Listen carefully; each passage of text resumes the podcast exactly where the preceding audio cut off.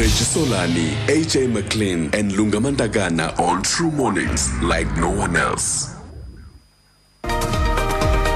kubemi bomzantsi afrika uphela mandiqale ngokuthi kukho into ebeningayazi yokuba ndamkela ubizo lobushumayeli.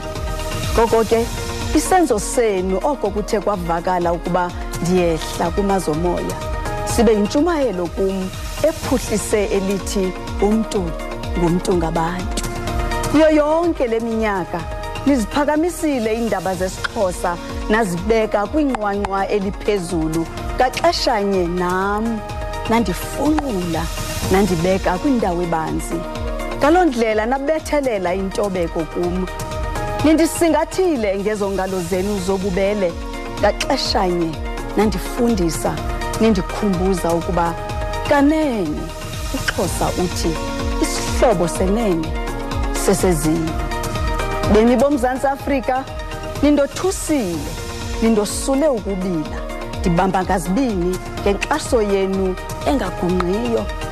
Nanga ngoko ningosulelana ngoluthando enilwehlise njengemvula phezu kwam. Ziphele iziganeko ezibeka ichaphaza kwilizwe lethu. Iziganeko zempalalogazi yomntontsundu ngesandla somntontsundu siyazalana sizwe simnyama. Nindithandile nam ndanithanda. Nanga ningalala ngobubusuku nophethe ingubo yemvisiswano uxolo nothando. Ndinithanda nonke emakhaya Yho, lapha emnxebeni. Mamfene molo. Molo molo mntanam unjani mama? Oh hayi wethu. Khalaza khalaza zange wanceda mntu. Ntombi ngokufika uyi-typist kule sabc 37 years ago did you ever think that uyaze nomongameli amisa intetho yakho ukuze isizwe sibukele wena? Yho hayi andi andizange ndayicinga tu leyo hayi andizange ndayicinga tu masikwamkele sikwamkele kwi-true f m mamamfene loo nto amamfene asuke avela onke ngoku nabantu besingabazi bangamamfene ngoku. Mabavele mabavele. Hayi jonga jonga. Kaloku nditshilo ndathi siyazalana. Ngoku aya- ayazi mabaziveze bonke. Namazizi mawaziveze mam noxolo hlodbom siyakwamkela eh, eh, true f m. Nkosi kakhulu nge- ngexesha lakho. Andizazi noba mandiqale ngaphi nemincili um ndiyakhumbula si- sinawe phaa emhlobo kunye noamaza the other day. Eh but azange siyicinge into yoba uyazi ufikelele kule point. Umzantsi afrika uyazi ume ngxi nawe uzube maxhaphetshu uvuke kwangentseni. Into oqala endifuna uyazi ngawe ikhaya liphi? Uphuma kwikhaya elinjani? Amakhaya am axananazile kuba kaloku baninzi abantu abadlale indima yokuba ngumzali ebomini bam. Ikhaya lam lisenxukhwebe etyatyorha kulomama. Kuba kulapho ndakhulela khona emazizini kwambathani ikhaya lam lisecala kulotata. Kwajebesa. Amamfene la ke ohlathi oliso jamba sosanzansi le nto yofunda indaba ifika nini ifika njani? Hey! Yasifika kum ngebhaqa. Aba a- la mageza ke e-bee Mm. Athi ndandingubhaqa kuqalwa njalo kanye kanye kuqalwa ngobhaka. Umntu uqala abe ngubhaka. I- i- ifuthe ke laqala ngokuba ndibe ngubhaka kamkhokheli thandi. Ndaphinda ndangubhaka wegqala kasi elingenantanga lomfundi wendaba usisithandi meswatyo endangena ezihlangwini zakhe.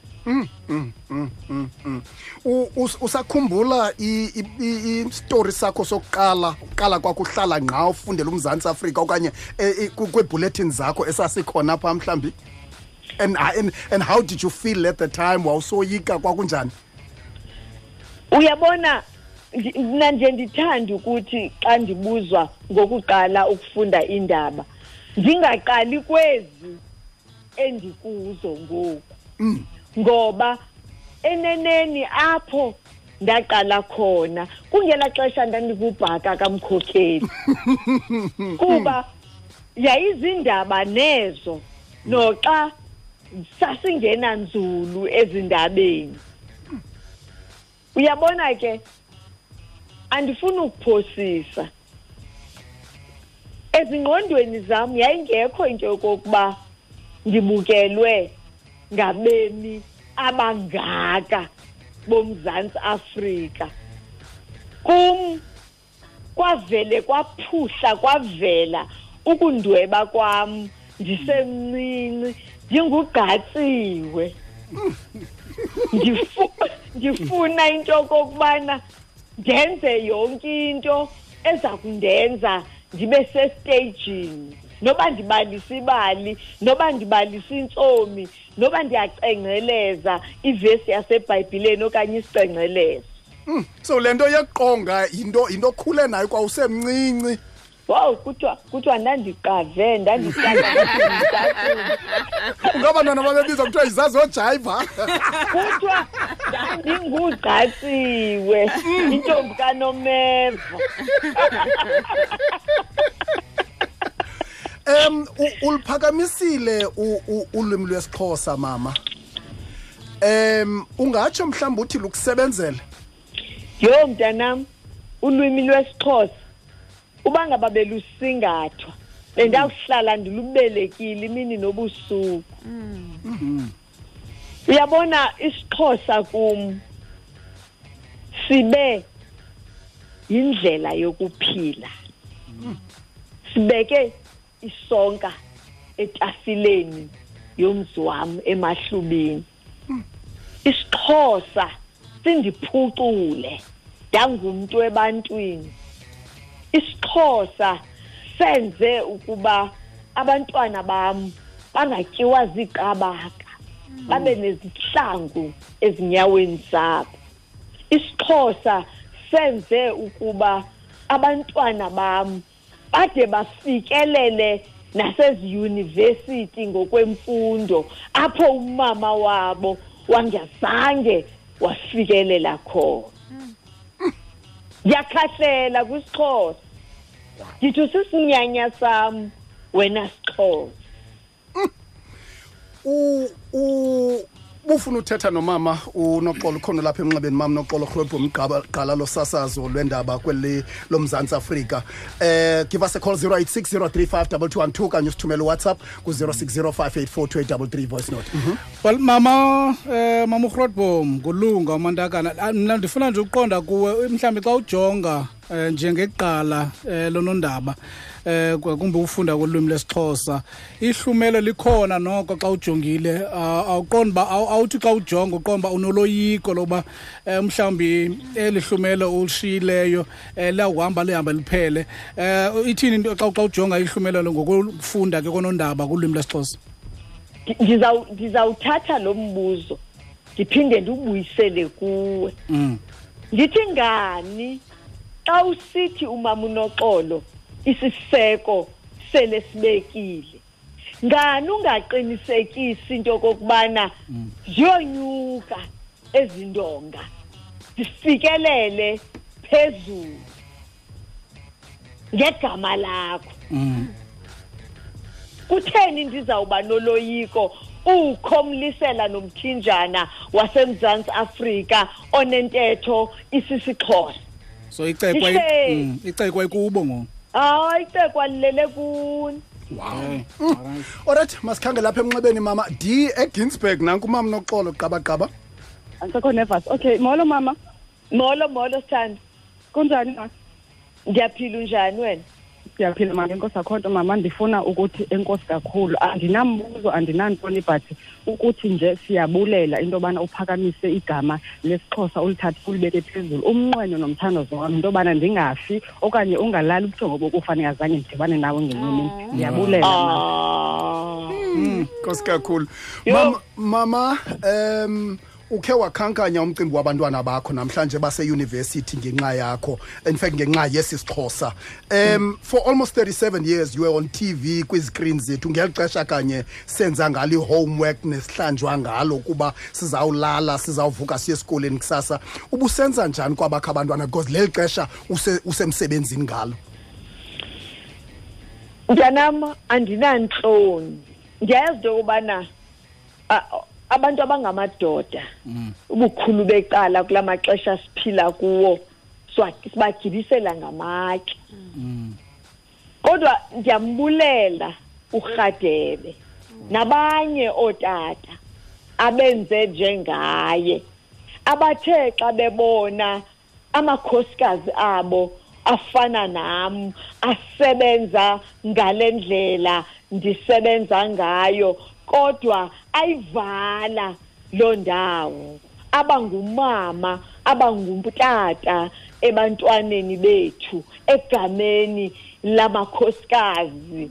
Ayokuxelengela inyama. Hayi amakhosikazi abetha incadulatwishi kodwa ayokuxelengela inyama. Ndiwothulela umnqwazi amadoda anjalo. Enze kanye njengokuba urhadebe enzile kum. Oh madoda ndiqinisekile neli xesha ke ngoku lizatsho likunika ixesha elaneleyo kunye norhadebe mama hayi hayi hayi ndithilo futhi. Ngomzimba ongenaxhala kanti hmm. siyaqala thina norhatye besiyajola ngoqala ah, phantsi qala phansi jonga jonga. Sizawutshana thuke ezandle moya ningcembe. Ntamnandi badala abantwana ngoku. Axhala nabantwana sebekhulile. Eyiva ke ngoku. Kubani kubani oyena uromantic kuwe norhadebe? Ow olright ke mama ukhona ukhona umphulaphuli wokugqibela mama ofuna uthetha nawe ngulupa lupa nanku umama noxolo qabaqaba mandikhawuleze mrejeje ndibe mfutshane kakhulu ndibulise apho kumama. Molo sithando sam ndifuna ukuthi ndiyabulela ku- kumama mani andisekho nervous ndinyanjani noba amazwi aphele emlonyeni ndithetha apha emva naphambili. Ndibulele kakhulu apha kumama wena mrejeje ne? Ngokuthi asifundise uba kubalulekile uba nguwe uzingce ngolwimi lwakho noba ungumxhosa noba uloluphi na uhlanga. Ndiyabulela kakhulu. Um ii-highlights zam apha kuye kungokwaye wayesiphathele umngcwabo katata umandela. Then waphinda ke ngoku nangoku ezofunda eh, emngcwabeni efunda obituary ka- ka-akhomzi jezile wow. Then kubekho ke ngokumama ndicela nje quickly kukhona le nto budla ngoku xa ufunda iindaba xa uqwela ibulletin usenza i-sport bulletin kukho laa nto iapile lasejava uthi abafana bakagram smith balijulile apile lasejava. Ndicela isuse lapha le nto iapile lasejava? Umakhaya jonga, uzibethe zesa izinti zabheka phaa inkosi kakhulu ndawumamela ereyidweni jonga kaloku ndi- nditshate no- nomdlali weqakamba ngeentsuku zakhe. Uyaqonda? Ngoku ngoku ke ndiyamane ndiyincanca intetho yecricket apha kuye. Ndiqonda uba mandiyithathe ndiyowutelephula ngayo pha emoyeni. I- iapile lasejava ke yile bhola. alright okay inkosi kakhulu ke mama. Uh, before sikhulule nje sinento ezisixhenxe ezifuna ukwazi ezingazo uzawuphendula lift khawuleze yafika kuqala right? Okay. Okay. Uh, when was the last time you cried mama? Ngolwesibini oh kwakho. Yintoni ese- yintoni esecaleni kwebhedi yakho ngoku? Ngelishwa mntanam ngoba nindivuse ekuseni ndisesithubeni andikho kwam ndishiyile ibhedi yam ebantwaneni bakho uqeqesha ngobetha ngothetha okanye zombini? Yho andithethi ndishiye ndingalaziyo utata ekhaya uthini xa ekuteketisa ow uthi nomthunzi igama lam lasemzini. Endothulwa ngalo eshelfini pha phaa kwisatifiketi sakho sematric yeyiphi yona esona ziphumo othi xa ujonga uqonde ye ha-a kubi apha awunayibalisa noyibalisa? Eyona subject wangaqhubi kakuhle kuyo. Hayi mandingayiphenduli lena ubhala ngalo emapepeni baba ungeyo news reader ngosenzani ngobomi bakho mama ngendingumlimi mntanama ndithanda ukutya yeha okokugqibela who's your favorite news reader on radio kwiindaba zesixhosa? Ufike kuqala nje quickly. Yho ndibathanda bonke. Ndiyakwazi ke nonke emakhaya. Nifuna nifuna ngoku ndicalucalula bathanda bonke. Uyawusela usivalelisela ke mama? Olahlobo udla ngokwenza ngalo. Ndiyabulela ngokundinika le mbeko inkulu kangaka nindimeme ukuba ndibe yinxalenye yenkqubo yenu noxa sendilixhegwazana. Kodwa ke abaphulaphuli ngokubanzi nani? Nanga ndingathi xa niyokubeka icala ngokuhlwanje nilale nombethe ingubo yemvisiswano uxolo nothando. Ndinithanda nonke emakhaya. siyathandana siyathandana awesome inkosi kakhulu.